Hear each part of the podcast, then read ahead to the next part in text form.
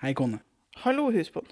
Vil du anbefale Brødrene Dal og Professor Drøvels hemmelighet fra 1979? Å ja, det, det vil jeg. Vil du anbefale Brødrene Dal og Professor Drømmels hemmelighet fra 1979? Nei, det tror jeg faktisk ikke. Perla for svin.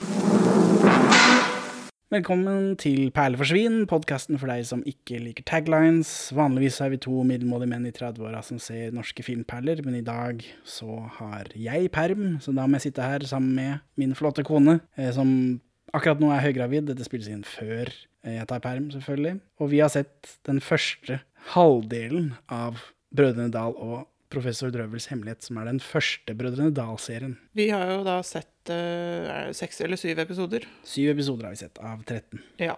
Vi har også sett den første episoden av Halv sju, hvor den første episoden av Brødrene Dal også dukker opp, sånn for kontekstens skyld. Så hvis ikke dere har fått med dere det, så må dere dere må egentlig ikke høre på det.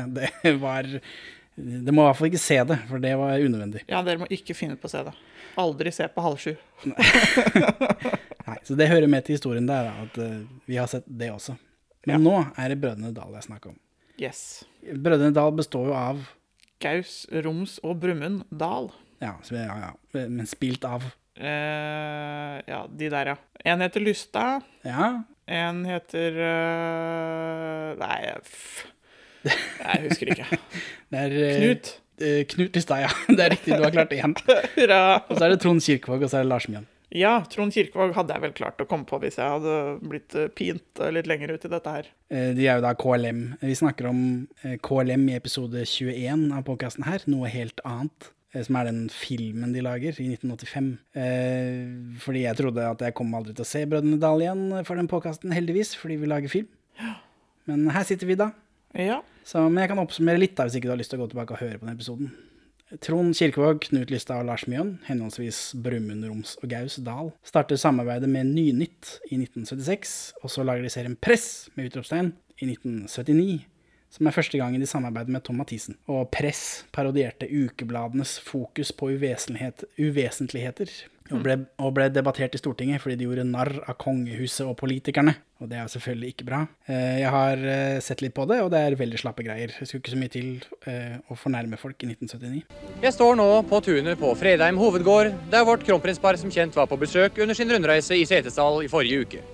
Bak meg her har vi den vakre hovedhuset fra 1730, der selve mottakelsen foregikk, og lenger her borte har vi det moderne fjøset, der vår kronprinsesse melket ei ku, Raukolla Mari, med imponerende teknikk og til gjensidig glede og beundring. Nei, det, det var jo litt annerledes før, da. Det var det.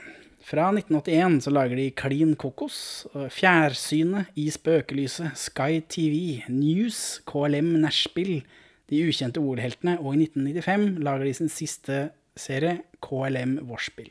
Og det er liksom, det går i parykk og ordspill og slapstick-humor. KLM lar seg jo inspirere, i gåsetegn, som det heter, av eh, Monty Python. Det er jo bare Monty Python oppgulp, spør du meg.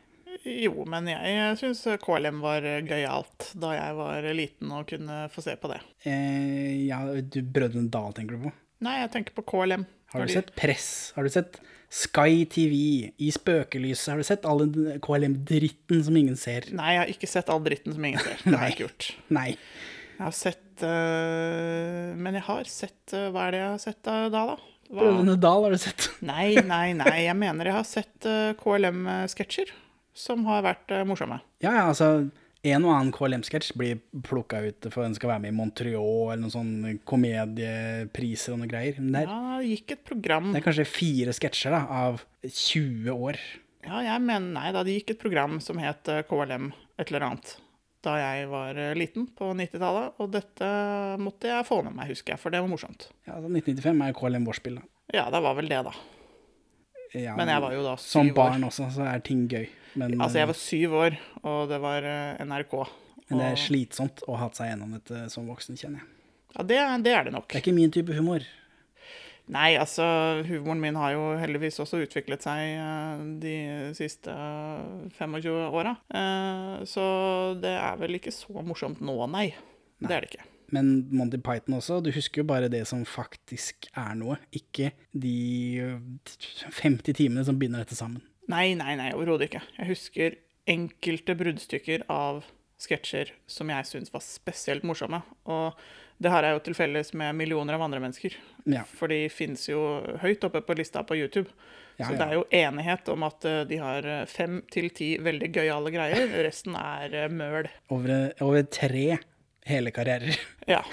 Så, men eh, innimellom eh, all den lange lista så har de også pressa inn filmen Noe helt annet i 1985, som vi har snakka om. Og en særdeles lavinnsats Brødrene Dal-film. Brødrene Dal og Vikingsverdets forbannelse, som jeg også snakker litt om i, i episode 21 av podkasten, da. Som er den Noe helt annet. Og fire Brødrene Dal-serier har de klart å få med inn der. Og nå skal vi altså snakke om den første, Brødrene Dal og Professor Drøvels hemmelighet.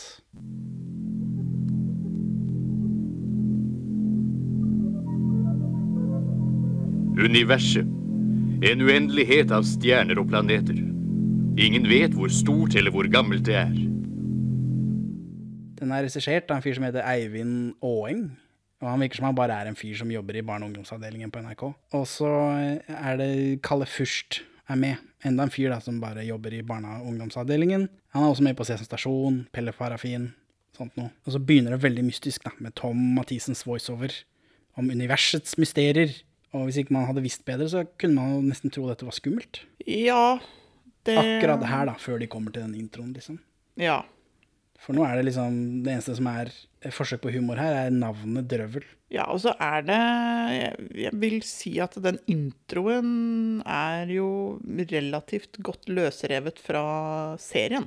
ja, ja. Eh, Det er dette som er kriminalføljetongen. Ja. Det er litt sånn snodig. Det kommer ikke så godt fram hva dette har med Brødrene Dal å gjøre. Nei, det har jo ingenting. Det er litt av greia, tror jeg. Det er bare uh, McGuffin, heter det. Det er bare noe for å sette plottet i gang. Og hvis man kan kalle det plott, det KLM driver med. Men den introen er jo liksom universet, det er stjerner, det er jordkloden. Det ser jo veldig, veldig bra ut. Jeg kan ikke tenke meg at NRK har lagd dette selv. Dette må de ha stjålet fra et eller annet sted, men jeg har ikke hørt noe, så jeg vet ikke. Nei. Og så kommer den der skriften, Brødrene Dal. Og så er det en sånn åpningsmusikk som er en kollasj.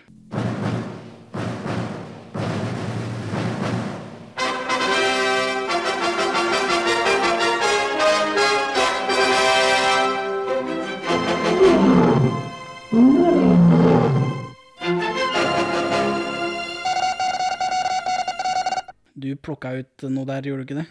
Jo, Det er jo Det- en, en rip-off. Ja, de har jo både løven som brøler, og de har eh, flere melodier som Altså, de har en slags melodi som høres liksom kjent ut. Ja, det er en rip-off-kollasj av forskjellige studioåpninger. Jeg hører det er 20th Century Fox.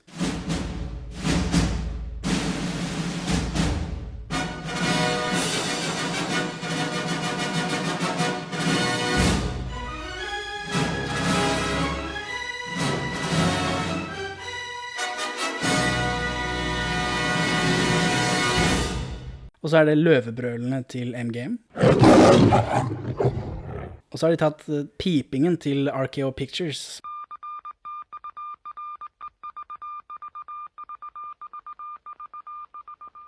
Som er et studio som gikk konk i 1959, så hvem vet hvorfor de har med det her. Men, eh, men allikevel. Jeg, jeg kjente igjen, jeg som har sett litt gammel film. Så er det Helge Reis da, som spiller professor Drøvel her. De, men de åpner veldig hardt med dumme navn. Får en sånn kollasj over folk som har prøvd å finne professor Drøvel, og det er det ene dumme navnet etter det andre. I 1965 gjorde den kjente herrefrisør og bjørnejeger Muske Dunder et siste forsøk på å finne professor Drøvel. Ja, dette er sånn tatt ut av Donald. Ja, er dette humor for deg? Er dette din, liker du dette? Er dette gøy? For det er, det er denne typen humor de liker. Ja, men dette er Det er ikke bare den type humor de liker. Nei, For- men det er mye den type humor det ligger. Jo da, men hvem er det som er uh, målgruppen her? Jeg vet ikke. Ja, altså, nei, altså det er ikke helt uh, Jeg syns jo at mye av humoren er såpass subtil og morsom at eh, altså sånn Hjemme hos Brødrene Dal så er det jo De, de har en del litt sånne overraskende ting eh, som er litt Det er litt sånn morsomt, litt sånn hø-hø, humre i skjegget morsomt for voksne folk. Fordi at uh, referansene går jo små barn rett over hodet. Uh, men så har de mye sånn der uh, rett ut sånn prompehumor som bare uh, liksom Som er gøy for de aller, aller minste. Sånn at de klarer jo å lage noe for alle her. Syns jeg. Selv om ikke noe, ingenting, er så gøy at det står seg alene. Men hvis de skal lage et program for hele nasjonen, da, som jeg antar at NRK måtte gjøre da i 1979, eh, fordi det ikke fantes noe annet, så syns jeg ikke det er så dumt, altså. Jeg tror ikke NRK tenkte på at det var hele nasjonen. Jeg tror de bare vil lager I hvert fall ikke KLM. Altså, du ser jo at de koser seg, liksom. Nå skal de være rebelske og unge og liksom å bryte med normene. Det er det de liksom sier, iallfall Lars Mjøen sier det selv, da. At, dagens humor, dritutehumoren som vi hadde på 90-tallet riktignok, men for han så er det dagens humor. At det er så dårlig, da, for de har ikke politisk snert. De tør liksom ingenting. Dette kommer opp i den uh, noe helt annet episoden vår. Jeg vet ikke om det er så veldig mye politisk snert å spore her. Jeg har skrevet ned et par tilfeller, men det er jo ganske Det er mye film og lite politisk snert. Men hva var det egentlig han skulle ut og lete etter? Ja, det er det som er så underlig. Det var det nemlig umulig å få ut av ham. Han ville ikke at noen andre skulle finne hemmeligheten før han selv. Men du sier de, når de kom på skjermen, gutta, brødrene Dal, så syns du at de ser så unge ut? Eh, ja, de, jeg syns de ser yngre ut enn det jeg kan huske dem. Eh, ja, for det er jo 20 år mellom dette og når vi husker dem. Det stemmer. Så det er nok riktig at de ser ganske unge ut. Hvor gamle tror du de er da? Nei, altså De er jo sikkert like gamle som Trond-Viggo, da. Som var uh, seint i 20-åra. Nei, de er 33. Bortsett fra Mjøen, som er 34. Ja, OK. Ja, Men det var ikke så gærent. Uh, det var ikke så gærent uh, bomma her. Nei, så vi blir introdusert til huset deres, da, som er fullt av dritt. Det er en type humor, sikkert. Og der det slår meg at det er ingen i KLM som har blitt bedre skuespillere på de 40 åra vi har kjent dem. Det er Nei. ikke noe utvikling. Nei, Nei de, de, er helt klin like. Altså, ja, for de jobber jo i NRK-systemet hele tida. De har ikke hatt noe behov for å utvikle seg. Det er veldig rart. Ja, jo, det er litt, eh, det er litt spesielt. Og her, eh, mens vi holder på her inne, hvor de liksom De snakker litt om professor Drøvel, da. For liksom, de må ha opp det. Kanskje vi skal dra og lette etter han. Og her kommer det en fullt på sykehusene-vits, som jeg pleier å, å, ta opp hver gang jeg er i familieselskaper, og de eldre påpeker at å, det er så dårlig med, med liksom, Det er ikke plass på sykehusene lenger, det var bedre før. Så sier jeg ja. Eh, 1979, Brødrene Dal, de har en eh, Det er fullt på sykehusene-vits. Så kom ikke her. Det har aldri vært bedre, din gamle røy. og i neste serie også, Spektralsteinene, så er det også en fullt på sykehuset-vits. Så det har aldri vært bedre. Det, er, det har vært dårlig hele tida, det. Ja. Det var ikke bedre før. Brumund er den yngste av de tre, og et kapittel for seg. Sammen med Fantomet holder han verdensrekorden i å holde pusten under vann. Og sammen med sine brødre har han deltatt i tre vellykkede ekspedisjoner. Den berømte drosjejakten nyttårsaften 1950, ekspedisjonen etter en ledig seng på Ullevål sykehus våren 1970, og ikke minst redningsaksjonen der han og brødrene reddet et opplagt mål i kampen Tunis-Mexico under fotball-VM i Argentina 1978. Og så hopper vi brått herfra, da, heldigvis, eh, til at de døper og sjøsetter elvegris. Og dette det er en vits de faktisk skal få. En ordspillvits de faktisk skal få. Elvegris, det er, eh, det er godkjent. Elvegris og tigris, ja. ja. Ja, men det fungerer på mange måter. Det er ja. elvegris.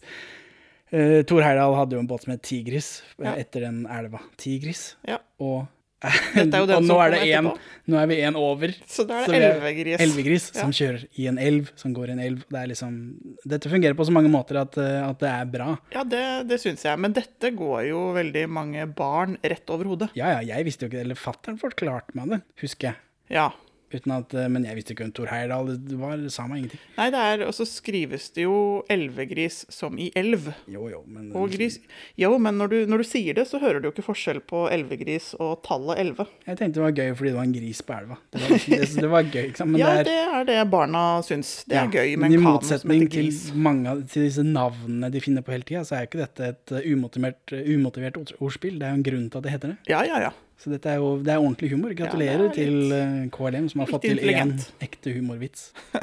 Hvordan går denne sjøsettinga, da? Den går jo veldig, veldig dårlig, da. Eh, for det De eh, er fortøyd ved en brygge, og så sitter de der og er klare for avgang i sin kano, elvegris. Og så begynner, legger de i vei, og så drar de jo da hele denne brygga løs fra land. Så alle som står oppå, ramler uti. Ja, dette gjør de jo også i Primavera-sagaen om Olav den hellige. Så ja. KLM kopierer Monty Python, og Primavera kopierer KLM. Men Brødrene Dal gjør dette to ganger også. Altså, det var eh, Det var gøy første gangen. Hvis man på en måte Det, det er uventa. Barna vil synes det er gøy. Det er komisk. Ja, for du har ikke sett dette på lenge. Jeg har sett dette i voksen alder også. Jeg har ikke sett dette noen gang, jeg. Aldri. Aldri. Det gikk jo på TV i barndommen. Ja, men jeg har ikke sett Jeg har ikke noe minne om å ha sett hele denne her. Jøss. Eh, Jeg har det, sett liksom deler av det. det er jo veldig spennende, da. Nå skal vi se hele. Ja, for jeg har sett liksom noe av det. Jeg husker bare noe av eh, dette her. Men eh, det er ikke sånn at hele denne serien har festet seg eh, på noen som helst slags måte. Så det var Det er sånn Det var overraskende og litt sånn hø-hø, det var jo artig humor første gangen. Men så kommer de på at de har holdt kartet opp ned, så de har padlet feil vei. Så da må de snu og padle tilbake igjen. Og da klarer de å bompe borti altså de, de klarer å dra ned den samme brygga en gang til. Hvorfor de, det bløte orkesteret og publikummet og alt, alle står oppå der igjen, er det, er det er rart. Da gikk det litt sånn høl på det, syns jeg. Det var unødvendig. Og med de beste ønsker om en god tur legger brødrene Dal i vei oppover overfloden mot nye og spennende eventyr.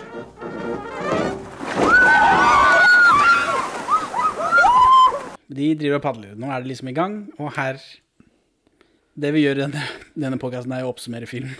Og herfra så er det litt sånn vanskelig å oppsummere, fordi de padler, og så finner de drøvel. Det er det som skjer. Alt annet er bare distraksjoner. Ja, altså det er jo ingenting i denne Det er ingenting av det innholdet i episodene som driver historien videre på noen måte. Eh, De bare padler på en elv, og så skjer det ting totalt urelatert til dette oppdraget som de er ute på.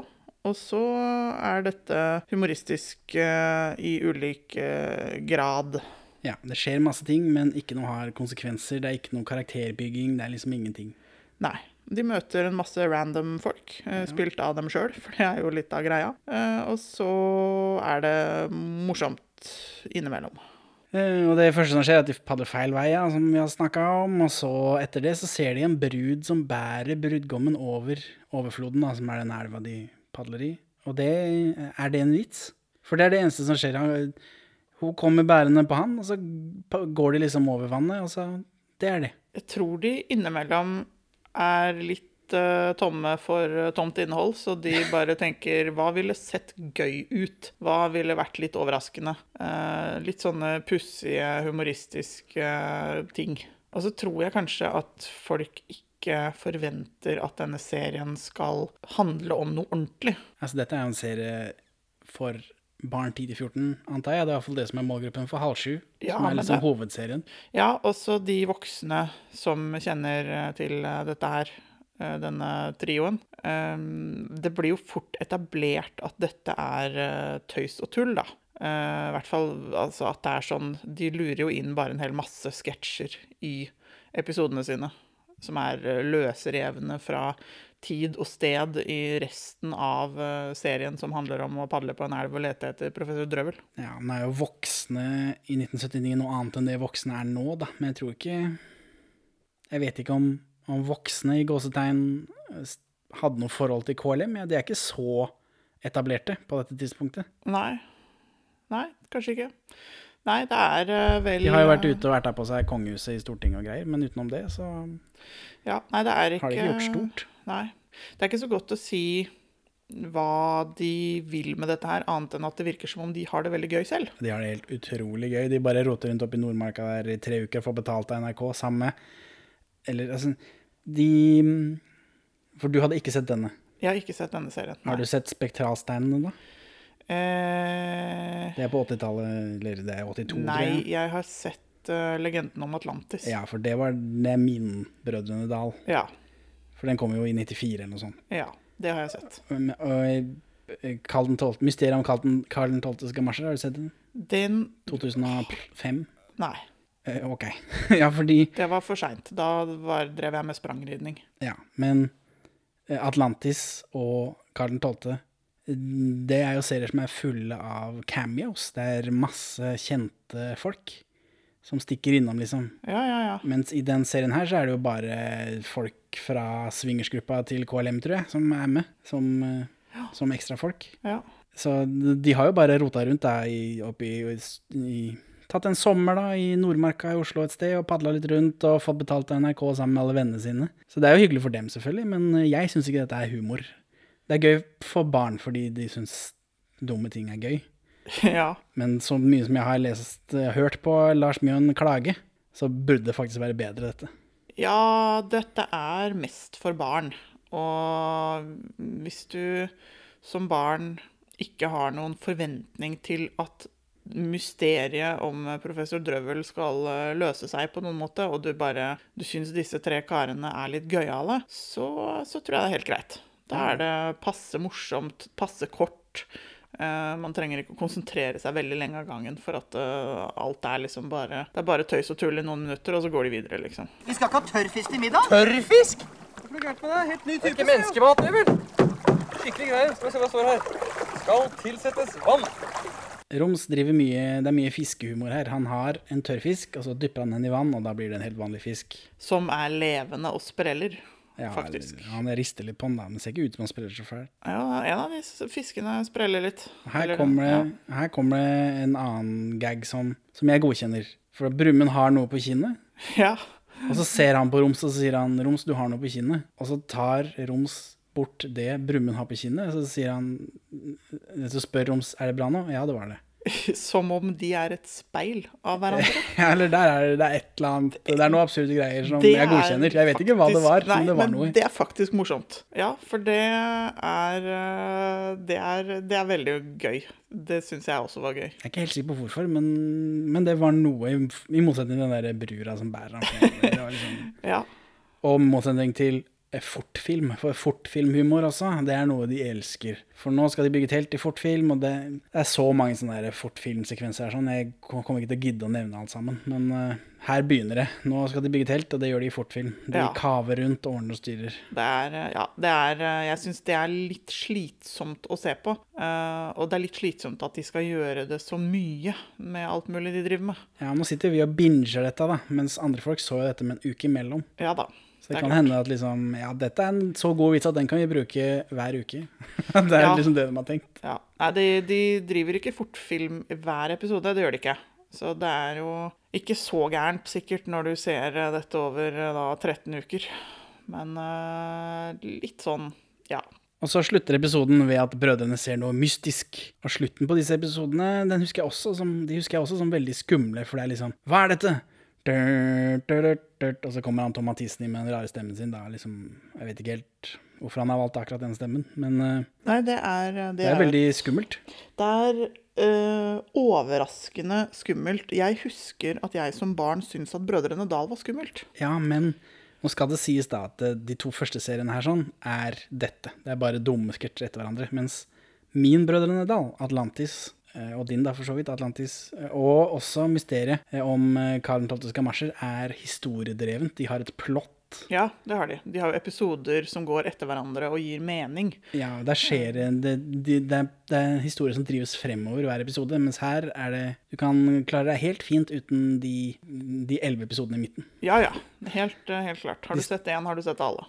Ja, De starter i første episode, og så får du faktisk en avslutning i 13. episode. Men det imellom er bare fjas. Ja. Så jeg husker det så mye skumlere fordi det faktisk skjedde skumle ting i de andre, som hadde noe bæring på plottet, da. Nei, det var jo også Det blir jo også mer spennende når historien drives fremover, fordi du er jo engasjert i historien. Her er det ingen historie å engasjere seg i. Uh, når vi ser på disse episodene her, så eh, nevnes uh, knapt uh, professor Drøvel med et ord innimellom mye av dette her. Nei, det er jo stort sett det er Tom Mathisen tar seg av det på begynnelsen, og da er de liksom ferdig med det. Ja, så De spør jo folk de møter, da, om har dere sett han her. Og så viser de fram et bilde av professor Drøvel, og så har ingen sett han. Og det, det er jo litt spesielt. Ja, men jeg tror Det er vel en slags parodi på en sjanger som var utdødd før dette gikk på TV, tror jeg.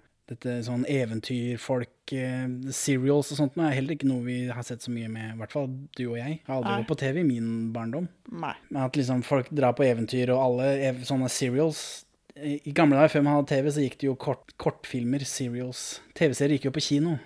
Eh, og det var liksom et kvarter, da. Batman og Supermann og, og sånt som dette. At de liksom roter rundt i jungelen og sånt noe. Og alle de slutter med en cliffhanger, for de må få deg til å gå på kino neste uke også.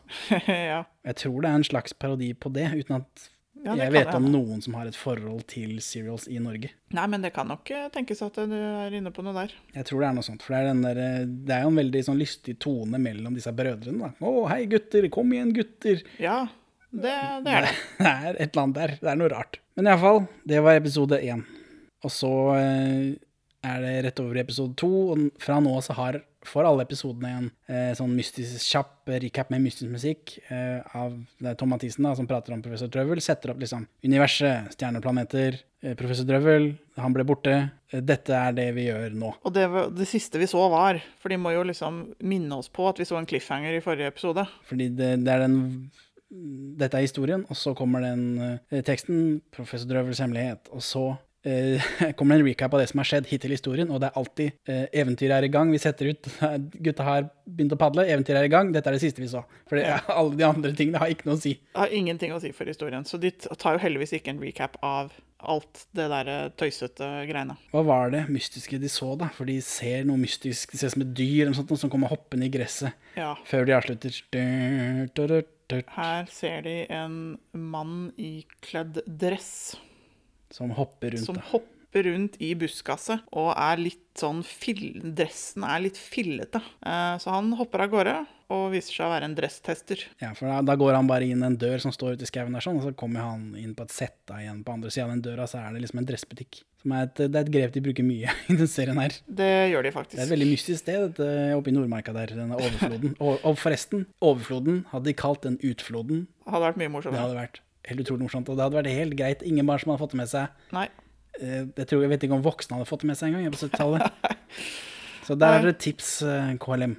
Ja. Eller bare eh, LM, da. Det er jo de som er igjen. Tør å dra det litt lenger. Vi i Statens dresskontroll kan overhodet ikke godta at dresser i denne kvaliteten selges. Slett kvalitet kaller vi dette. Men ja, det er et veldig mystisk, eh, mystisk sted. Det står dører rundt omkring som går til helt andre steder. Og nå er vi da eh, i en dressbutikk. Og denne fyren, han er fra Statens dresskontroll, sier han. Og han driver og tester dresser. Og denne adressen her, den tåler da ikke å bli bassa med i jungelen, så det er ikke bra nok. Må prøve noen andre. Og her får vi da en kollasj hvor de går gjennom en masse dresser da, som får juling. Det er eh, vifter, det er hundeangrep. Det er mye, mye greier. Det er gjørmebad. Det er uh... Trond Kirkevåg han går gjennom en bilvask før Altså, dette gjorde jo Jackass på 2000-tallet. Ja. Og det ser farlig ut, men så er det ikke så farlig tydeligvis, da, for han klarer seg helt fint. Og de får jo inn et gammelt NRK-kamera inn der, og de får det jo til. ja, de får det til. Og Ja. så endelig så finner han en dress da, som liksom er bra. Og da viser det seg at statens dresskontroll det fins ikke, selvfølgelig, for det er det dummeste som fins, sier han fyren. Det, Ja, det er bare det er jo bare tull, dette. Ja. Jeg skal bare ha den dressen her, jeg. Han skal bare ha den dressen som holder mål. Og her har vi funnet noe av det mest sjeldne i NRK-faunaen. Det er en KLM-vits med premiss, setup og punchline. Ja. Den har alt sammen. Ja. Den må jo liksom starte og, by, starte og slutte med disse brødrene Dal ute i jungelen der. Men, men utenom det så er det liksom Det er en ekte vits. Satt Ja. opp sånn som ekte vitser skal være satt opp, og det, det visste jeg ikke at KLM kunne. Så, men så klipper vi derfra igjen da til eh, de driver og padler. Eh, Brumund ser en vakker kvinne løpe i slow motion. Det kommer en bjørn etter. Jeg vet- For hun løper i slow motion, det er veldig vakkert og flott. Og så kommer den der Og så, etter det, så får vi se denne bjørnen, og så tenker vi å nei, er det farlig? Er det det vi skal tenke? Og så rett etter det så er det driver en bjørn og reklamerer for honning. Og det Ja vel. Det, Ja vel. jeg, skjønner ikke, jeg skjønner ikke om noe av det skal være morsomt. Jeg tror Fordi eh, Brumund sitter der med en kikkert, og så ser han, og så kommer hun løpende, og så tar han ned kikkerten. Og da tenker jeg liksom Jaha, nå har han sett en vakker dame, er det dette Det er sikkert flott. Og så tar han opp kikkerten, og så ser han den bjørnen. Og så er, tenker jeg da skal vi tro at det er skummelt, og så er det Skal vel bli litt forskrekka. at denne snuingen av våre forventninger, er det det som er liksom humoren der. Og så neste gang han tar opp kikkerten igjen, så får vi en sånn honningreklame av den bjørnen. Jeg vet ikke. Nei, det er, eh, det, det er jo litt rart. Og så treffer de en gutt som har satt fast dragen sin i busken, og vi som ser på, tror jo at dette er en papirdrage. Dette ser jo Han har jo en lang snor med sånne små øh, sløyfer på, og dette er jo helt klart øh, Han har satt fast papirdragen sin i buskene og sitter og sutrer og er lei seg, og spør øh, om ikke disse kan hjelpe han med å få løs dragen, og det kan de jo selvfølgelig. Ja, Og så viser det seg at det er en ekte drage. Ja, i enden av den der snora, som de da forfølger inn i buskaset, så er det en ekte drage. Ja, og der blir det noe slåssing i fortfilm, og så Masse slåssing med den dragen. masse. Og, og, så, og så ender det bare med brødrene sier 'gir du deg', gir du deg? Og så sier han dragen 'ja, jeg gir meg'. Og så, og så blir han liksom tatt av. Men da, men for brødrene Dal så oppfører de seg nå som det var en selvfølge at den dragen som gutten hadde mista, var en ekte drage. Ja, Og det er en slags humor. det er humor. Og det er humor at denne gutten bare også bare 'Tusen takk for hjelpa', samler sammen eh, tråden sin og går av gårde med dragen sin, som liksom lydig lunter etter. Ja, og senere så får vi jo se han liksom leke med dragen, at han løper med den dragen etter seg. Ja, og at dragen da løper etter. Men alt dette det minner meg om å spille DND, Dungeons and Dragons. Det er sånne lange transportetaper med dumme avstikkere. Det er det, det er liksom, Ja. Hele Nei, det greiene eh, minner om det. Jeg må si at eh, den eh, dragevitsen, den, den var jo nesten litt humoristisk. Det var overraskende i hvert fall. At det var Nei, det var litt gøy. Ja, for du ble overraska. Du lukta ikke lunta, liksom. Nei, altså, det, det ante meg vel at det var Følge en ekte Følge den lange, lange tråden Jo da, innover. det ante meg at det var en ekte drage der, men at det var Nei, jeg syns det var litt sånn, sånn eh, Jeg syns det var litt snedig. Det var morsomt. Jeg syns det var gøy. Nå kommer vi til Hadeland. Hvor de står på rekke og rad og vinker og sier ha det. Det er billig. Det er eh, De spør om eh, Unnskyld, har dere sett denne mannen? Og det de får til svar, er ha det bra, da. Ha det. Ha det. Ha det. Det er Fordi- noen folk i bunad av en eller annen grunn. ja, for det gjør de på Hadeland. Så det var eh, litt rart. Billig, billig ordspill, billig vits. Veldig billig. Kanskje gøy for små barn. Men Ja, det- hvis, ikke små barn, hvis ikke små barn vet at Hadeland er et ekte sted i Norge, så er det faktisk ikke gøy. Jo, jo. Det, det var Hadeland. Det er jo liksom Jeg hører hjemme i trampeland, det er det greiene der, tenker jeg da som barn. Ja, Vi lurte på om dere hadde sett en mann vi er på leting etter, vi. Ha det. Ha det. Ha det. Ha det. Vi har bilde av han her. Det er professor Drøbel. Det er en professor. Har dere sett han, da. Har dere ikke sett han oppover? Her, det kommer fram i løpet av, av serien at professor Drøvel ble borte i 1950. Og Ja. de sier flere ganger at det er 28 år siden han forsvant. Det betyr jo at Brødrene Dal finner sted i 1978. Men serien kommer jo ikke på TV før i januar 1979, så dette er dårlig planlagt, gutta. ja, men de filmer det jo om sommeren. Ja ja, Så men eh, de- det er vanlig å liksom vite når ting skal gi, gis ut, og så liksom legge det til det, da. Ja, det, det er det jo. Men dette er jo da, som vi kom inn eh, på i den eh, episoden om uh, halv sju, eh, kontekstprogrammet rundt uh, Brødrene Dal her, så virker det jo som om NRK på denne tiden gjør en hel masse sånne rare små feil som vi ikke gjør lenger, verken i NRK eller noe annet sted. Ja, altså KLM har jo bare fått en haug med penger og kan gjøre hva de vil, tror jeg. Så, Ja, virker sånn. så det er nå så. Men så faller det noe i vannet. Det var den episoden. Ja. Disse episodene er jo 13-14 minutter lange, bare. Er dere de sju små dverger? Dere er altfor høyere, dere er mye høyere enn oss, jo. Ja, vi er de sju små dverger. Nei, hør her, hvem i all verden er det som har innbilt dere at dere er de sju små dverger? Jeg, Snøhvit. Men nå må vi videre, venner. Så episode tre, der, får vi, der, får, det er det samme introgreiene fra Tom Mathisen hver gang. Og så viser det seg at det som falt i vannet, det var en hangglider. For, men ikke så veldig stor hangglider. Nei, for det viser seg at det er tre idioter da, som prøver å fly i fortfilm. Og det er mer fortfilmhumor. Dette varer lenge. Ja, dette varer veldig lenge. Og de får ikke til å fly, da. Nei, og de snubler fælt, og de kaster hverandre rundt, og de prøver på mange vis å få eh, seg selv eller en av de andre til å lette med hanglider. Og den hangglideren er jo ja, som en uh, dagens uh, gjennomsnittsstørrelse flatskjerm. Eh, så det er jo ikke så vanskelig å forstå at eh, en så liten hangglider ikke får et menneske til å fly. Nei, men her er det ikke noe punchline. Det er bare dette. Fortfilmen er det som er gøy her. Det er bare det. Vi skal bare folk som roter rundt. ja, vi skal bare sitte og le av dem fordi de er så dumme. Men så er jeg tilbake i kanon, og nå er det flyvefiskmiddag. Det er mer fiskehumor fra roms her. Ja, De, de skyter flyvefisk med pil og bue. ja. Og så lander den Nei, Han skyter med gevær. Er det gevær han skyter med? Ja, det er noe annet han skyter med pil og bue. Det er senere, Ja, det er senere. Han Men, skyter eh, med gevær eh, rett opp i lufta, og da lander det fisk med vinger Ja. midt oppi fanget på Det er ikke noe morsommere enn det. Det er ikke noe mer vits på det. Nei. Men så kommer det en, en, en gag som er innafor igjen. Han kommer Snehvit og de syv dvergene, men Dvergene er jo høyere enn Brødrene Dal. dvergene er over kommer- normal størrelse. De kommer gående og er sju stykker og synger denne hei hå, hei hå. Eh, Det er ikke lov å si dverg, forresten. Kortvokste. Men de er ikke kortvokste heller. Nei. De kortvokste er over normal størrelse. Ja, her er eh, Ja, det stemmer. Og her eh, går de jo og synger eh, den samme som vi kjenner fra Disney-versjonen av dette her. Men det, det lærte vi av eh, når jeg snakka med han regissøren av Forelsket 87. Hei, Morten. Hyggelig at du hører på. Eh, At uh, copyright, det bryr ikke NRK seg om på den tida her. Nei, det tror jeg ikke. De bare tar. Ja, de, ja, for jeg ble overrasket over at de kunne bare plassere 'Snøhvit og de syv dverger' med denne originale Disney-låta i Brødrene Dal. Ja, ja, nei, de bare stjeler. Men siden disse, siden disse dvergene er over normal størrelse, så er punchen at Hun er jo enorm. Hun er jo tre meter høy. Snehvit er enda større. Hun er diger, hun. Denne gagen er innafor. Og hun kan faktisk Hun har, hvis man kan kalle det påvirkning på plottet, for hun peker en retning når Brødrene Dahl spør har du sett professor Drøvel. Så hun peker den veien, og det, men det har ikke noe å si for dem, da, for de padler jo bare på den elva likevel. Den elva går jo bare én vei. Så whatever. Hvorfor de spør om veien, det Eller hvorfor de spør Jeg vet, jeg vet Ikke, ikke. ikke tenk på det. Det er bare for at, de skal, for at vi som ser på, skal huske på at det er faktisk en grunn til at de driver med tull her. ja. Så skal Rom sende ved, og nå kommer det en lengre sekvens hvor han ryker på graven til Dracula. Ja, og det er jo interessant. For her eh, er han ute og leter etter ved uh, i noe som ser ut som ute i de små timer. Og ryker på graven til Dracula. Og her syns jeg at eh, dette er veldig skummelt for uh, små barn. Ja, altså, dette er, dette er starten på filmen Noe helt annet, hvor Trond Kirkevåg spiller vampyr. liksom, dette, er, dette er, tror jeg, er grunnen til at den filmen eksisterer. Så dette er, eh, dette er veldig rart. Uh, for dette er jo en ganske lang historie i historien. Ja, som- men det er bare De setter veldig, veldig god stemning veldig lenge, og så er det en, og så er det en payoff etter hvert, da. Punchline, heldigvis. Ja da, det, det er jo det.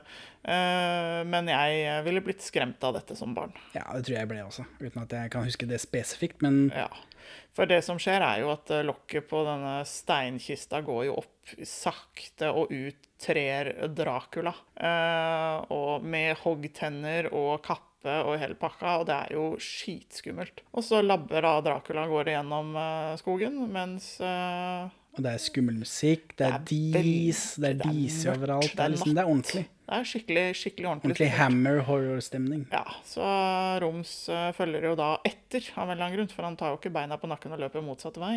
Eh, Så han følger etter til han kommer eh, til en slags Noe som ser ut som et, det jeg tenker på som et sånn hyttepalass nå til dags, da. Som, Jeg har alltid tenkt på det som en stavkirke, men det er jo ikke det, da. Men det, liksom, det er veldig sånn ja, eh, nasjonalromantisk, men det er helt mørkt, og det er liksom mot en skummel himmel. Ja. Og så er det ett stusslig lys som lyser opp et vindu høyt oppe i et tårn. Det er Ja. sånn, hvor det er en, en vakker dame som titter ut. ja. Og inn, eh, inn her går Dracula, og vår helt eh, Roms Dal eh, følger jo da etter. Hvorpå han sniker i gangene og får med seg hvilket rom Dracula går inn i. Eh, og hører en masse hyling og skriking og tenker at han må redde denne kvinnen. Eh, hvorpå han stormer inn i rommet og skal eh, da være helt og redningsmann. Og det viser seg at damen er tannlege, hvor Dracula har gått for å få trukket eh, de veldig lange hjørnetennene sine. Han har jo bare trukket én tann. Jeg tror det er bare fordi det er hull i tannen. Det er ikke fordi han er lei av hjørnetennene sine. Nei, altså det er jo, han er jo hos tannlegen. Ja, det er han som skriker, det er ikke dama. Nei, det er han som skriker, for han er hos tannlegen, og dette gjør veldig vondt. Så han har jo da fått trukket en tann, og blodet renner. Og det, det, er, eh, det er veldig rart. Ja, men dette her er innafor. Dette er en ordentlig, oh, ordentlig gag igjen. Nei da, dette er, dette er morsomt, det, altså. Det, den tannlegen er Marianne Mørk, hvis man følger med på hvem eh, KLM pleier å samarbeide med. Så er hun ofte med der. Hun og Lystad har en, en skive jeg ser dukker opp på, på Finn støtte stadig, uten at noen noensinne har kjøpt den. Så når Roms eh, skjønner at han liksom har eh, liksom gått litt i baret, og Eller han får beskjed om å vente ute, for venterommet er her utafor. ja, for venterommet, det fins jo, og der sitter jo de andre monstrene klare for å få tannbehandling. Ja, for den, den lege, tannlegen har tydeligvis bare monstre som pasienter. Hun har liksom funnet en nisje. Så men Roms drar jo hjem, da. eh, Eller tilbake til teltet. Nå får vi se innsiden av teltet. Og Brødrene Dal har jo tradisjonelt sett et veldig stort telt, men ikke her. Nei, her har de et helt vanlig telt hvor de sover som sild i tønne. Tre stykker i sovepose ved siden av hverandre. Han forsøker å fortelle eh, Jeg syns jo Han forsøker å fortelle de andre hva som har skjedd, og de bare ja, ja, whatever. Det er ikke sånn at det det, de bare, ja, men det er ikke tannlege midt ute i ødemarka, vet du. Nei, nei, nei. Ja, De er mer opptatt av at det var en tannlege, ikke Dracula, for det får ikke han helt fram ordentlig. nei. Men det har jo ikke noe å si heller. Nei da, det har ikke noe å si, men det er jo Det skjer jo på en måte flere ganger i løpet av denne serien at eh, en av dem eh, opplever noe helt absurd eller veldig eh, skummelt eller farlig eller noe sånt noe, og så får ikke vedkommende noe gehør for dette her hos de andre. Rart likevel da at de er så gode venner, at det er så god stemning at dette bare er helt greit. Men så, dagen etter, stikker Brumund hodet ut av teltet, og vi får bare et nærbilde av huet hans hvor han blir helt utrolig sjokkert. Ja. Vi vet jo ikke hva han ser for noe engang. Og Tom Mathisen, som fortelleren, blir mer og mer krakilsk. Så det er, det er neste episode. Hva var det Brumund så utenfor teltet? Kan det være et dyr, eller kanskje et menneske? Eller kanskje noe helt annet? Hvilke nye og spennende eventyr møter de tre brødrene? Følg med i neste episode av Professor Drøvels hemmelighet! Hva er det Brumund ser når han stikker hodet ut? Han ser at elva er borte. Nei. Nei, gjør han ikke det? Nei, han ser det der Han ser et tryne. Han ser en gjeng Han ser eh, indianere. eldre hvite menn i redface, som ikke er lov lenger. Ja. For det finnes ikke ekte amerikanske urinnvånere i Norge, i hvert fall ikke som NRK kjenner, så de har leid inn noen gamle hvite menn som de har malt. Til å se ut som det vi kalte indianere, da, på tidlig denne, denne, denne tiden hvor dette ble laget. Uh, Dette er jo bjerkestammen, da, som blir presentert for alle disse folka i den bjerkestammen, og det er, dette er den navnehumoren igjen som ikke er så gøy. Ja. Det er litt, det er litt eh, snodig. For å slippe videre, så, må, så prøver disse uh, urinnvånerne å, å presse Brødrene Dal for penger, og så har de ikke penger, så spør de har dere aksjer i Volvo, har dere oljerettigheter i Nordsjøen, eller juggel. Ja. Og De har ingen av delene. nei, men dette tror jeg er politisk snert. Ja da, det er nok det. Det tror jeg. Ja, det Så- er det nok. Og så er det Disse folka er jo også faktiske karakterer som Brødrene Dal må håndtere. Det er ikke bare ting de observerer. Nei da. Nei, dette er eh, noen de må forholde seg til. Ja. Eh, Så det er ikke bare noe rart de ser. Eh, Og det Men istedenfor å gi de penger, så, så foreslår de kan ikke leke Bror og Brille istedenfor. Ja, fordi det de egentlig foreslår, disse urinnvånerne foreslår jo at de skal leke holde pusten under vann-leken. Den som holder pusten lengst, vinner, på en måte, da. Og så skal da brødrene Dal leke denne leken mot en av urinnvånerne som har dykkermaske, snorkel og en svær oksygentank på, på ryggen. Og da lurer de på om de også får sånt utstyr, og da sier han eh, hø- høvdingsjefen at eh, nei, det er det som er så morsomt. uh, og det høres jo veldig farlig ut, da. Men så foreslår brødrene Dal at de kan leke Bro, Bro, Brille i stedet for. Og når de da går i gang, disse mennene, altså disse urinnvånerne og brødrene Dal, og leker Bro, Bro, Brille, i, og synger og holder på, altså det syns jeg faktisk er veldig morsomt. Eh, jeg syns det var eh, Akkurat det er, eh, det er gøy. Det er et morsomt bilde. Da. Det er et morsomt bilde av disse mennene ute i skogen som leker bro, bro, brille. Ja, men det er veldig umotivert. Eh, ja, ja, det er jo ikke noe Det har jo ikke noe Det, det er bare absurd, liksom. Det er litt sånn eh, Ja. Men Det det, fordi her har KLM sett at vi har en punchline, vi trenger en setup, og så sier de bare nei, nei, det trenger vi ikke, vi bare gjør det. ja. Fordi grunnen til at de leker Bror Brille, er jo fordi brødrene da blir fanga og må i den sorte gryte, og så er det en faktisk sorte gryte, og så Sitter de oppi der og skal å- koke i sin egen suppe. ja, for å komme ut av det, så bare dykker de ned i gryta, og så kommer de ut av elva. Det er det, Det er det KLM har tenkt at dette her vil jeg ha med i serien. Hvordan Ja. skal vi få til det?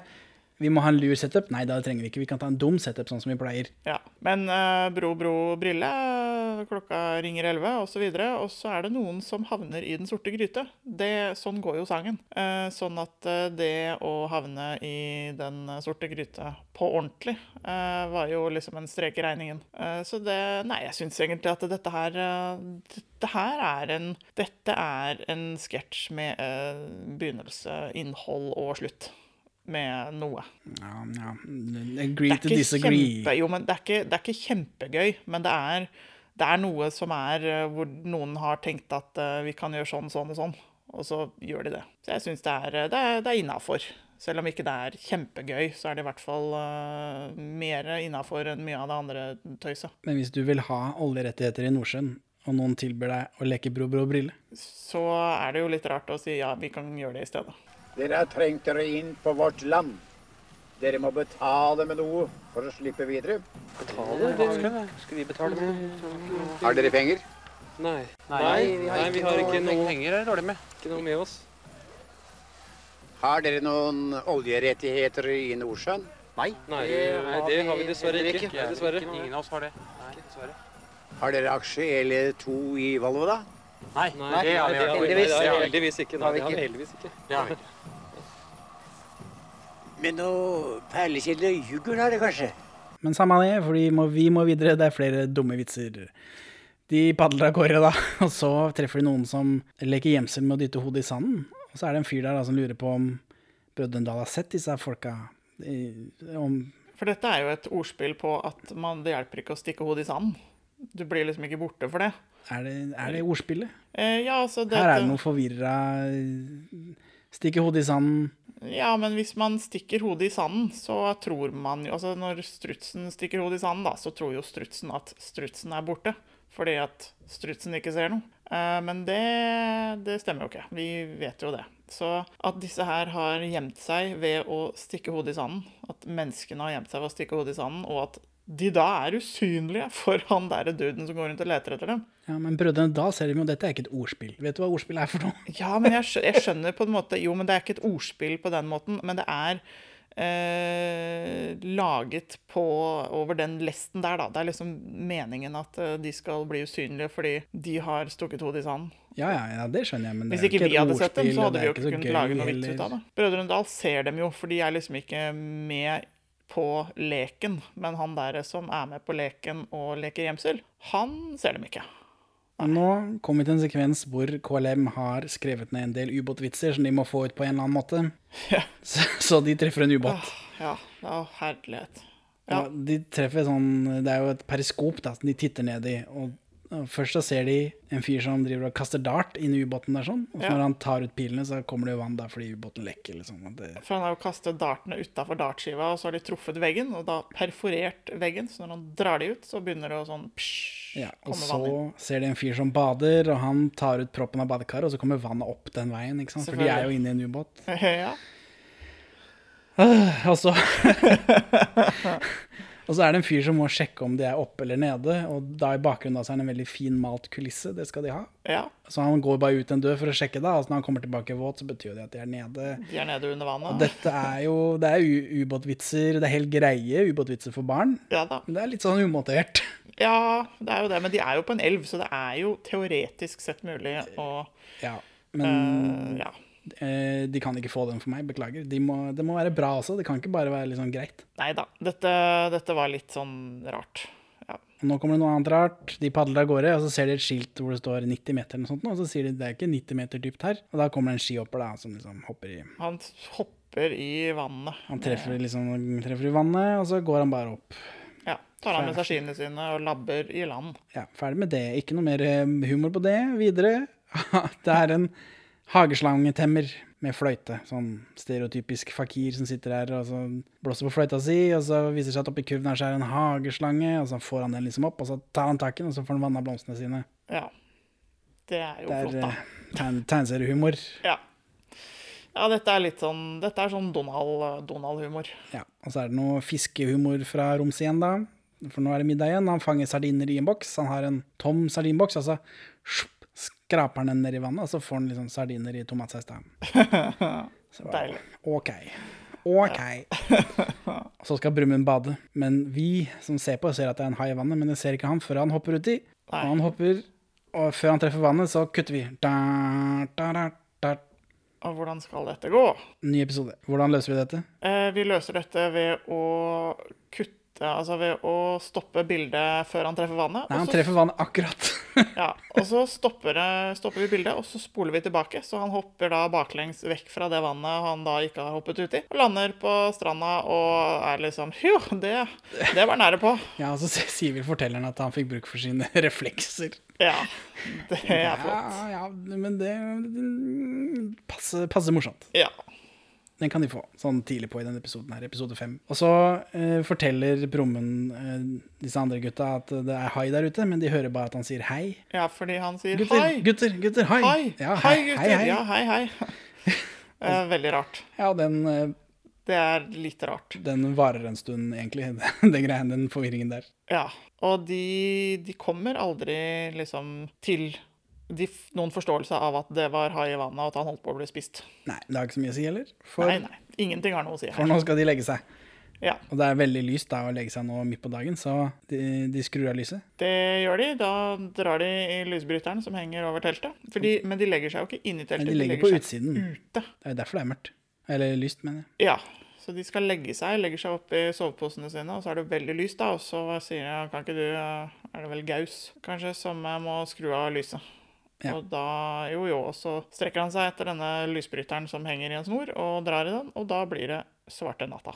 Blir det mørkt. Helt mørkt. Han skulle altså ha sola, humor, I guess. Og så, men dette er jo bare en måte å komme til en lang sjørøversketsj. Ja, for det er jo For når det, når det er helt mørkt, og disse gutta ligger og sover, så hører vi noe Det høres ut som det er noe konstruksjon et eller annet slag. Det er en fyr som sier ja, kom, kom, stranda skal ligge her. ja, Kom med sanda. Kom med vannet, liksom. Ja, vann der borte. Ja, Så blir det liksom lyst. Ja, han lokker opp en luke i det svarte. Og så Ja.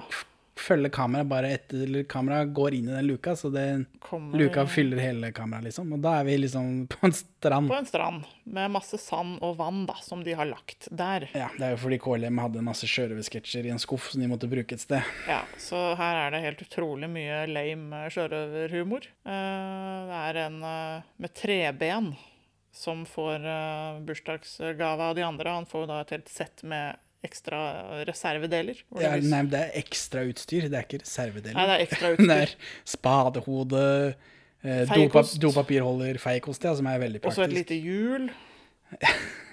ja. så han kan trille rundt på trebenet sitt. Ja, det er, de hadde masse dumme sjørøversketsjer som de måtte presse inn. da. Det er, de har også en lengre sekvens hvor de leter etter en skatt, og så graver de opp den skatten, og så er det en svær skattkiste, og så bare endelig skal de lokke opp den, og så boing, Så er det spretter det ut sånn et troll i eske. Herregud. Ja, og det var liksom helt Det var så krise at han som hadde ordna det, han måtte gå planken.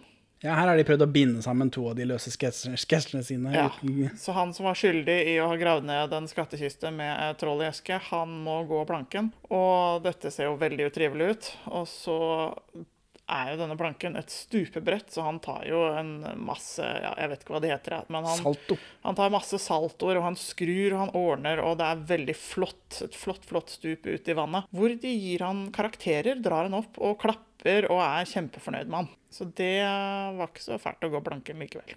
Det er bare en stupevits, da, for de som så på stupe-OL i gamle dager, vel. Ja, det vel Så er det en kikkertsketsj, hvor alle skal liksom drive og se ut uh, i kikkerten, men så har de lapp over øyet, fordi de er sjørøvere, selvfølgelig. Og så viser det seg at det er eh, lokk på foran kikkerten i tillegg, og så, ja, ja. Ingen ser noe.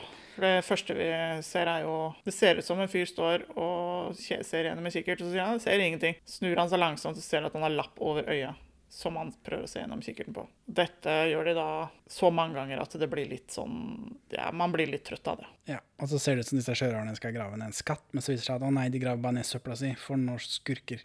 Og så er da piratsketsj slutt. Da zoomer vi ut av den der boksen igjen, og så lokker de igjen uh, luka, så da blir det helt mørkt. Og så da Og så kommer det noen lyder, vel, for nå rydder de jo bort den der stranda. Så drar eh, disse brønnene til Aldrar i snora igjen, og da kommer lyset på. Og så skjønner de at de har drømt den samme drømmen. Ja, for da viser det seg at dette var drømmer, da, Ja. fra disse gutta. Drømt mens de har sovet. Men så ser de samtidig at det står en spade i sanda der borte. Ja. Og så graver de opp dette, og det er selvfølgelig en stavmikser. Som de bruker som propell. Jeg vet ikke, hva er det? Er det punchline på hele det sjørøvergreiene? Vanskelig å si. Uansett, da. Så bruker de den som propell på den dumme kanonen sin, og så kjører de av gårde på den dumme overfloden. Ja. Og så får de masse blitser i trynet. Da, da, da, da. Ny episode. Ja. Hva var dette, da? Nå har de padlet eh, inn på en del av eh, elva hvor det var veldig smalt og det var mye vegetasjon. Så når de liksom eh, døtter unna den vegetasjonen, så får de blitsregn i ansiktet. Og det viser seg at de har kommet til en del av elven som tar en liten detour på en fontene i Frognerparken. Så det er turister rundt dem som eh, står og tar bilder av eh, disse da som kommer eh, plutselig padlende i kano oppi en diger fontene. Veldig Ja, for- snodig. For de har padla inn i fontena på Vigelandsparken. De har jo padlet seg vill. Og det er her de padler inn i fontena eh, i Vigelandsparken, ikke som jeg sier til deg i eh, episoden vår om Bedre enn sitt rykte, Olsmannen.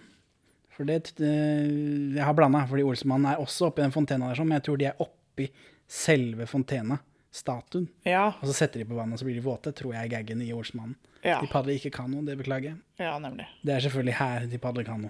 Yes. Det, altså, Brødrene Dal og Professor Drøvels hemmelighet er vel norsk films primære kanokilde. Hvis du skal ha, en, hvis du skal ha noen klipp med norske folk i kano, så er det her det skjer. Det tror jeg nok. Men de padler bare videre, og så padler de selvfølgelig gjennom Padler bare fontena. rundt for å finne veien tilbake og det gjør de. Ja. Eh, Ikke helt, for de kommer først en innsjø hvor det er, vi får masse prester på vannski. Som er Er, er dette noe? Er, det, er dette Jeg vet ikke. Vet Er dette politisk snert? Var det noe i tiden i 1979 som hadde med prester å gjøre, som kan ordspille seg inn til at det står på vannski? Tenker jeg. Det er ikke så godt å si, men eh, hvis eh, noen av dere der ute vet eh, noe om dette, så vær så snill å si ifra. For vi skjønte ikke noe av det. Finn oss på Twitter. Perler understrek for understrek svin. Men uh, det, det var ikke morsomt, for jeg skjønte ikke vitsen, men det er jo veldig imponerende triksing de driver med, disse prestene. De er dødsflinke til å stå på vannski. De står jo sånn eh, i formasjoner og oppå hverandre og Jeg lurer på hvor de har funnet de folka her. Er det et så stort eh, vannskimiljø i Norge eh, aner ikke. at det går an, liksom? Nei, det var veldig flott, altså. Ja, det er liksom De hopper på hopp, og de står oppå hverandre. og det er ikke Salto, måte og på. de holder på. Ja, ja, baklengs. Ja. Uansett så blir de fort ferdig med det, fordi de må padle videre, selvfølgelig. Det er flere dumme vitser som de skal gjennom. Det er Brødrene Dal blir angrepet av den forferdelige dødsmyggen, som bare er lydeffekter. Skyting, Ja. flylyder Gutter, hold dere fast! Hva? Hva er det for noe? Det er en mosquito horribile mortem! Hva? Den forferdelige dødsmyggen? Ja! Hva er det Hva er igjen? Hva er det? Kom nå! Der! Bak deg! Nei, Hvor, hvor, hvor, hvor? Hva er det? Hva er det nå? Det er veldig dramatisk. høres ut som eh, sånn Ja, det høres ut som andre verdenskrig. Ja, altså Roms blir jo skutt i armen, og det er liksom, han er helt døende. Stukket av myggen, da, på en måte. Eller hvordan det nå er.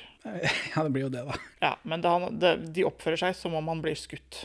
Ja, Armen må forbindes, og det er veldig dramatisk. Det er, og de velter kanoen, og det er liksom Det er fullt kaos. De får tatt denne myggen til slutt, da. Med pil og bue. Og hvor pila er en, sånn, en liten sånn sugekopp, sånn som vi kjøpte på lektøysbutikkene da vi var små. Og det er jo fint, for der sitter jo den eh, myggen. Som vi da får se. Og det er jo et uh, bitte lite fly med et sånt mygghode og Nei, den ser veldig sinna ut. Fordi, eh, for nå er jo Roms eh, er jo døende, tydeligvis, da, for han er liksom skutt i armen der. Eller blitt bitt av den forferdelige dødsmyggen. Ja. Jeg føler dette hadde kanskje fungert bedre om vi hadde hatt- visst hvem Brødrene Dal var. Vi har jo ikke noen karakteristikker av dem. Det er så vidt vi har, vi, det er så vidt vi har sett dem liksom snakke med hverandre i den serien. De sier bare god natt, og så er, bruker de altså De setter bare opp dumme vitser. De har ikke noen karakter. Nei, det er, de, vi kan ikke skille de tre fra hverandre. Nei, i hvert fall ennå. Det blir sikkert lettere når vi kommer til Atlantis, for da har det litt mer å gjøre. Ja, og så har de altså jeg Tror jeg. Jo Det er da, lenge siden jeg har sett husker jeg, Fra det jeg husker fra Brødrene Dal da jeg så på dette, og da jeg så på Legenden om Atlantis, så var de jo tre brødre med tre ulike personligheter. Jeg husker jo at vi, vi lekte jo Brødrene Dal på barneskolen. Og da var det liksom uh, hvem som skulle være hvem. For Gaus er sjefen. Ja, Gaus er Og. Roms er uh, hvem enn han er. Og, og, og, og Brumund er han med propellen som er liksom ja, er liksom han yngst og dummest, eller morsomst. yngst og litt sånn Han er liksom, han er liksom Kjell i Olsenbanden. Skjønner du hva jeg mener? Han Jeg er vet ikke, jeg føler han er liksom den, den lystis, lystigste. Ja, men han er også litt sånn uh, Det var ikke noe stas å være Brumund. Ikke? Nei. Han hadde propell på hodet, klart det er stas. Eh, Ja, ikke for, øh, ikke for oss. Jeg vet ikke om det var annerledes øh, for øh, vi lekte ikke Brødrene Dal. Vi holdt vi på med Ninja Turtles og MC-mus fra Mars og sånt. Ja, for det vi, vi andre vi drev med litt avansert rollespill. Backstreet Og Boys. Du var ikke så interessert i, i gamle NRK-serier. Jeg husker Nei, altså, jeg lekte jo mest med guttene på skolen. Og da var det, det var mye Brødrene Dal de gikk i, og det var jo veldig lett å kle seg ut som Brødrene Dal, for du gikk jo bare i klesskapet til foreldrene dine. Fant fant kakis. Fant eh, kaki, eh, gamle dressbukser og lyse blazere, eller sånne kakiskjorter og sånne lagerfrakker som alle hadde. Så på 80- og 90-tallet, altså det vil si helt vanlige frakker, eh, i sånn lys kakifarge. Ja. Hadde Og belte vært, rundt livet. det hadde nok vært lettere å bry seg om om vi visste hvem Roms var som person. Men det er ikke så nøye heller, for det har ikke noe å si videre. For nå, det at han er døende, er bare setupet til en hengekøyesketsj i for, fortfilm. Ja, for de skal Mer fortfilm. Det er vanskelig vanskelig å legge seg i hengekøye, i hvert fall når det går i fortfilm. Ja, så skal de legge han i en hengekøye, da, for at han er jo så slapp og syk, eh, stakkar. Ja, ja, men alle skjønner hengekøyesketsj i fortfilm. Alle skjønner hvordan det ser ut. Ja, det, det, er liksom det er bare tøys, og det varer helt utrolig lenge. Men så blir de avbrutt av en annen sketsj, som, som er noe mer da enn bare fortfilm i det minste. Det er en fyr som skal sø søke hyre på båt. Han går gjennom en dør, og så kommer de til et helt annet sted, selvfølgelig, sånn som det pleier. Men dette arbeidskontoret for båtgreiene er i sjette etasje i et bygg. Ja, og der er det Du kan, eh, du kan få oljehyre, du kan få uhyre, eller du kan få hyrekontoret for båt. Så han tar jo, han tar jo trappa opp, da. Og så eh, kommer Hvordan tar han trappa opp, da? For det er humor for barn. Ja, han uh, syns denne trappa ser veldig lang ut, så han bestemmer seg for å skli på gelenderet. Så han hiver seg på gelenderet i første etasje, og så sklir han hele veien opp til toppen. Fy søren så moro barn må synes dette har vært. Ikke noe gøy for meg. Ikke spesielt. Eh, kommer inn her og skal eh, inn på hyrekontoret og får beskjed om å gå inn til kapteinen, hvor han går inn og sier at han vil søke jobb. Kapteinen spør om han har noe erfaring, og han sier at han har jobbet som kelner, men han har altså ikke vært på båt. Og da sier jo kapteinen at nei, men det er i orden, vi skal bare sette deg på en liten prøve eh, og teste liksom eh, kompetansen din her. og Kan du ta, og så er det da et skap på hver side av eh, kontoret til denne kapteinen. Og spør om han kan du ta alle de tallerkenene der og flytte over i det skapet der. Ja da, det kan hun gjøre. Så skrur kapteinen på en knapp slik at hele kontoret oppfører seg som om det er ute i høy sjø.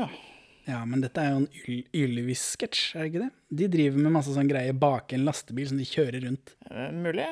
Har sett litt på Ylvis, gitt. Men ja. Men han eh, knuser iallfall en masse tallerkener, som jeg tror er det som er humor. veldig mye som knuses. Han blir jo grønn i ansiktet, og det er helt Og kapteinen sitter like rolig og bare ser på denne mannen ta en stabel med sikkert 25-30 tallerkener og prøver å liksom bære dem over. Og du kan jo forestille deg hvordan det ser ut eh, hvis du er ute på båt i høy sjø. Eh, det Hele det knuses. studioet rister jo, han har litt vanskelig Men det virker som jeg er Trond Kirkevåg som er han av fyren, men det ser ut som han liksom gjør seg til enda mer. Skulle jo tro det holdt å liksom riste på gulvet. Eh, ja. Jeg vet ikke om de bare rister i Jeg tror de rister på gulvet også. Eller rister de bare veggene, lampa og kamera? For han overspiller så jævlig. Ja, det er eh, Det ser veldig, veldig vanskelig ut. Sånn som Jeg tror de rister på. på gulvet også, men han overspiller så helt utrolig at jeg ble usikker. Ja, og det detter jo selvfølgelig ting ut av eh, begge disse skapene. For han forsøker ikke på noen måte å løse denne oppgaven på en hensiktsmessig måte. Nei, men det, også, han blir kvalm, og så lukker han opp vinduet for å spy, og så får han masse vann i ansiktet. Da tenkte jeg mm, den skal du få. Men, men resten nei takk. Han åpner opp et sånt rundt vindu som de har på båt, vet du, et lite kuøye. Så det er gøy. Ja, men det er ikke noe, det er ikke noe mer eh, Han får ikke den jobben, tror jeg, da. Det er vel det eneste som liksom er punchline der. Ja. Så er det tilbake i skauen, og nå kommer vi til min favorittvits-setup, i hvert fall i denne serien her. Eller altså setupen til min, det som blir min favorittvits. Han går ut av hyrekontoret, går bortover, åpner en dør, går gjennom døra, er plutselig bare i Nordmarka. Ja, det er jo sånn de gjør det, da, men det er ikke det som er setupen til favorittvitsen min. Det Nei, nei, men det var bare Det bare kom på at det, de putter inn sånne dører på random steder for å få folk ut og inn av Nordmarka. Men Gaus går ut av teltet, og så er de plutselig på månen. Der han beveger seg som om det ikke er noe gravitasjon, der. Ja. Da, da. Alt går i slow motion. Yes. Episode syv, alt går i sakte film. Tom Mathisen har mer å si i denne episoden, fordi når ting går i sakte film, så er det litt vanskelig å høre hva de sier. ja. Og Brødrene Dal de roter rundt, jeg skjønner ikke hva dette er for noe. Hvor ble det av liksom elva og, Hvor er elva, hvor er naturen? De er er i et månelandskap. Eh, Sånn eh, veldig mørk, svart sand. Ser litt ut som sånn lavasand. Og så surrer de rundt til de kommer, eh, treffer på noen som da lander i et lite romskip. Det er gøy. Men det, er, og det, men det er noen norske astronauter som skulle til Jupiter. og, siden de ikke forstår hverandre, siden de snakker i sakte film, så må de skrive på skilt. Og så skriver er Gaus vel 'Hvem er dere?' Og så skriver disse astronautene 'Vi kommer fra jorden i romskip'. og så, og dette er min favorittvits i den serien her. Så skriver Gaus 'Vi kommer fra Oslo i kano'. Det er veldig gøy. Det er veldig gøy. Eh, og, og litt humor, litt gøye vitser trenger vi faktisk i denne lange tørken. Ja, for dette er faktisk ordentlig morsomt. Ja. Det er eh, Så viser det seg jo da at de er liksom De skulle til Jupiter, egentlig. Skulle ikke til månen, de skal til Jupiter. Og så, og så får vi liksom se hva som skjedde, da, hvorfor de har landa Hvorfor det har gått så gærent med disse norske astronautene at de har landa tilbake på jorda. Og det er fordi de sitter oppe i romskipet der med masse teknologi og ledninger overalt, og så kommer en av de astronautene med spagetti, og så mister spagettien oppi alle ledningene, og så skal de drive og ta dette opp igjen, og så tar de med seg alle ledningene. og så bare, ja, blir det bare tull, og så roter de seg bort. billig vits, KLM, billig vits. Men de finner ut at det, de er ikke på månen, det er feil på kamera bare. For det, hele dette greiene har jo vært saktefilm. Det er jo Ja. er, det, er dette brytning av forventninger, siden de har brukt fortfilm 400 000 ganger? Vanskelig å si. Vanskelig å si. Og så, og så stiller de bare på kamera, og da er alt liksom normalt igjen. Ja. ja, for da går jo Brumund eh, Nei, ikke Brumund. Det er Gaus, tror jeg. Roms. Gaus. Det er han med skjegget. Er det ikke det? Han kjekke. Ja, han med skjegget. Ja. Han uh, går uh, bort og liksom ser inn i kamera og Ja, eller han tar på kamera på sida. ja, han stiller stiller på et eller annet som ikke vi ser, da, for vi er jo inne i kamera. Ja, er det ikke bare kamera det er noe gærent med? Jo, det var det, var det jeg trodde. Ja, det er alt i orden, liksom. He-he. Ja, og Så skal de astronautene dra, og da spør de om vei, om de vet om den raskeste veien til Jupiter, og da peker de bare opp. Alle sammen. Og Morsomt. det blir de kjempeglade for. Ja, du stakk det er den veien, ja. Gøy. Og så kjører de av gårde, flott, og så hører vi bare svosj, og så kommer både elva og trærne tilbake. Uten at vi får se det, selvfølgelig, men da er de bare tilbake. Og så bare, oi, oi, oi. Ja. Og eneste forklaringen på det er at vi sakte og rolig panner over til skilt hvor det står at det er fare for lavvann. Ja. Det var jo veldig lavvann, da. ja, når hele naturen ble borte med det lave vannet. Vaska vekk, liksom. Men så får vi se at det henger noe i treet. Men hva er det?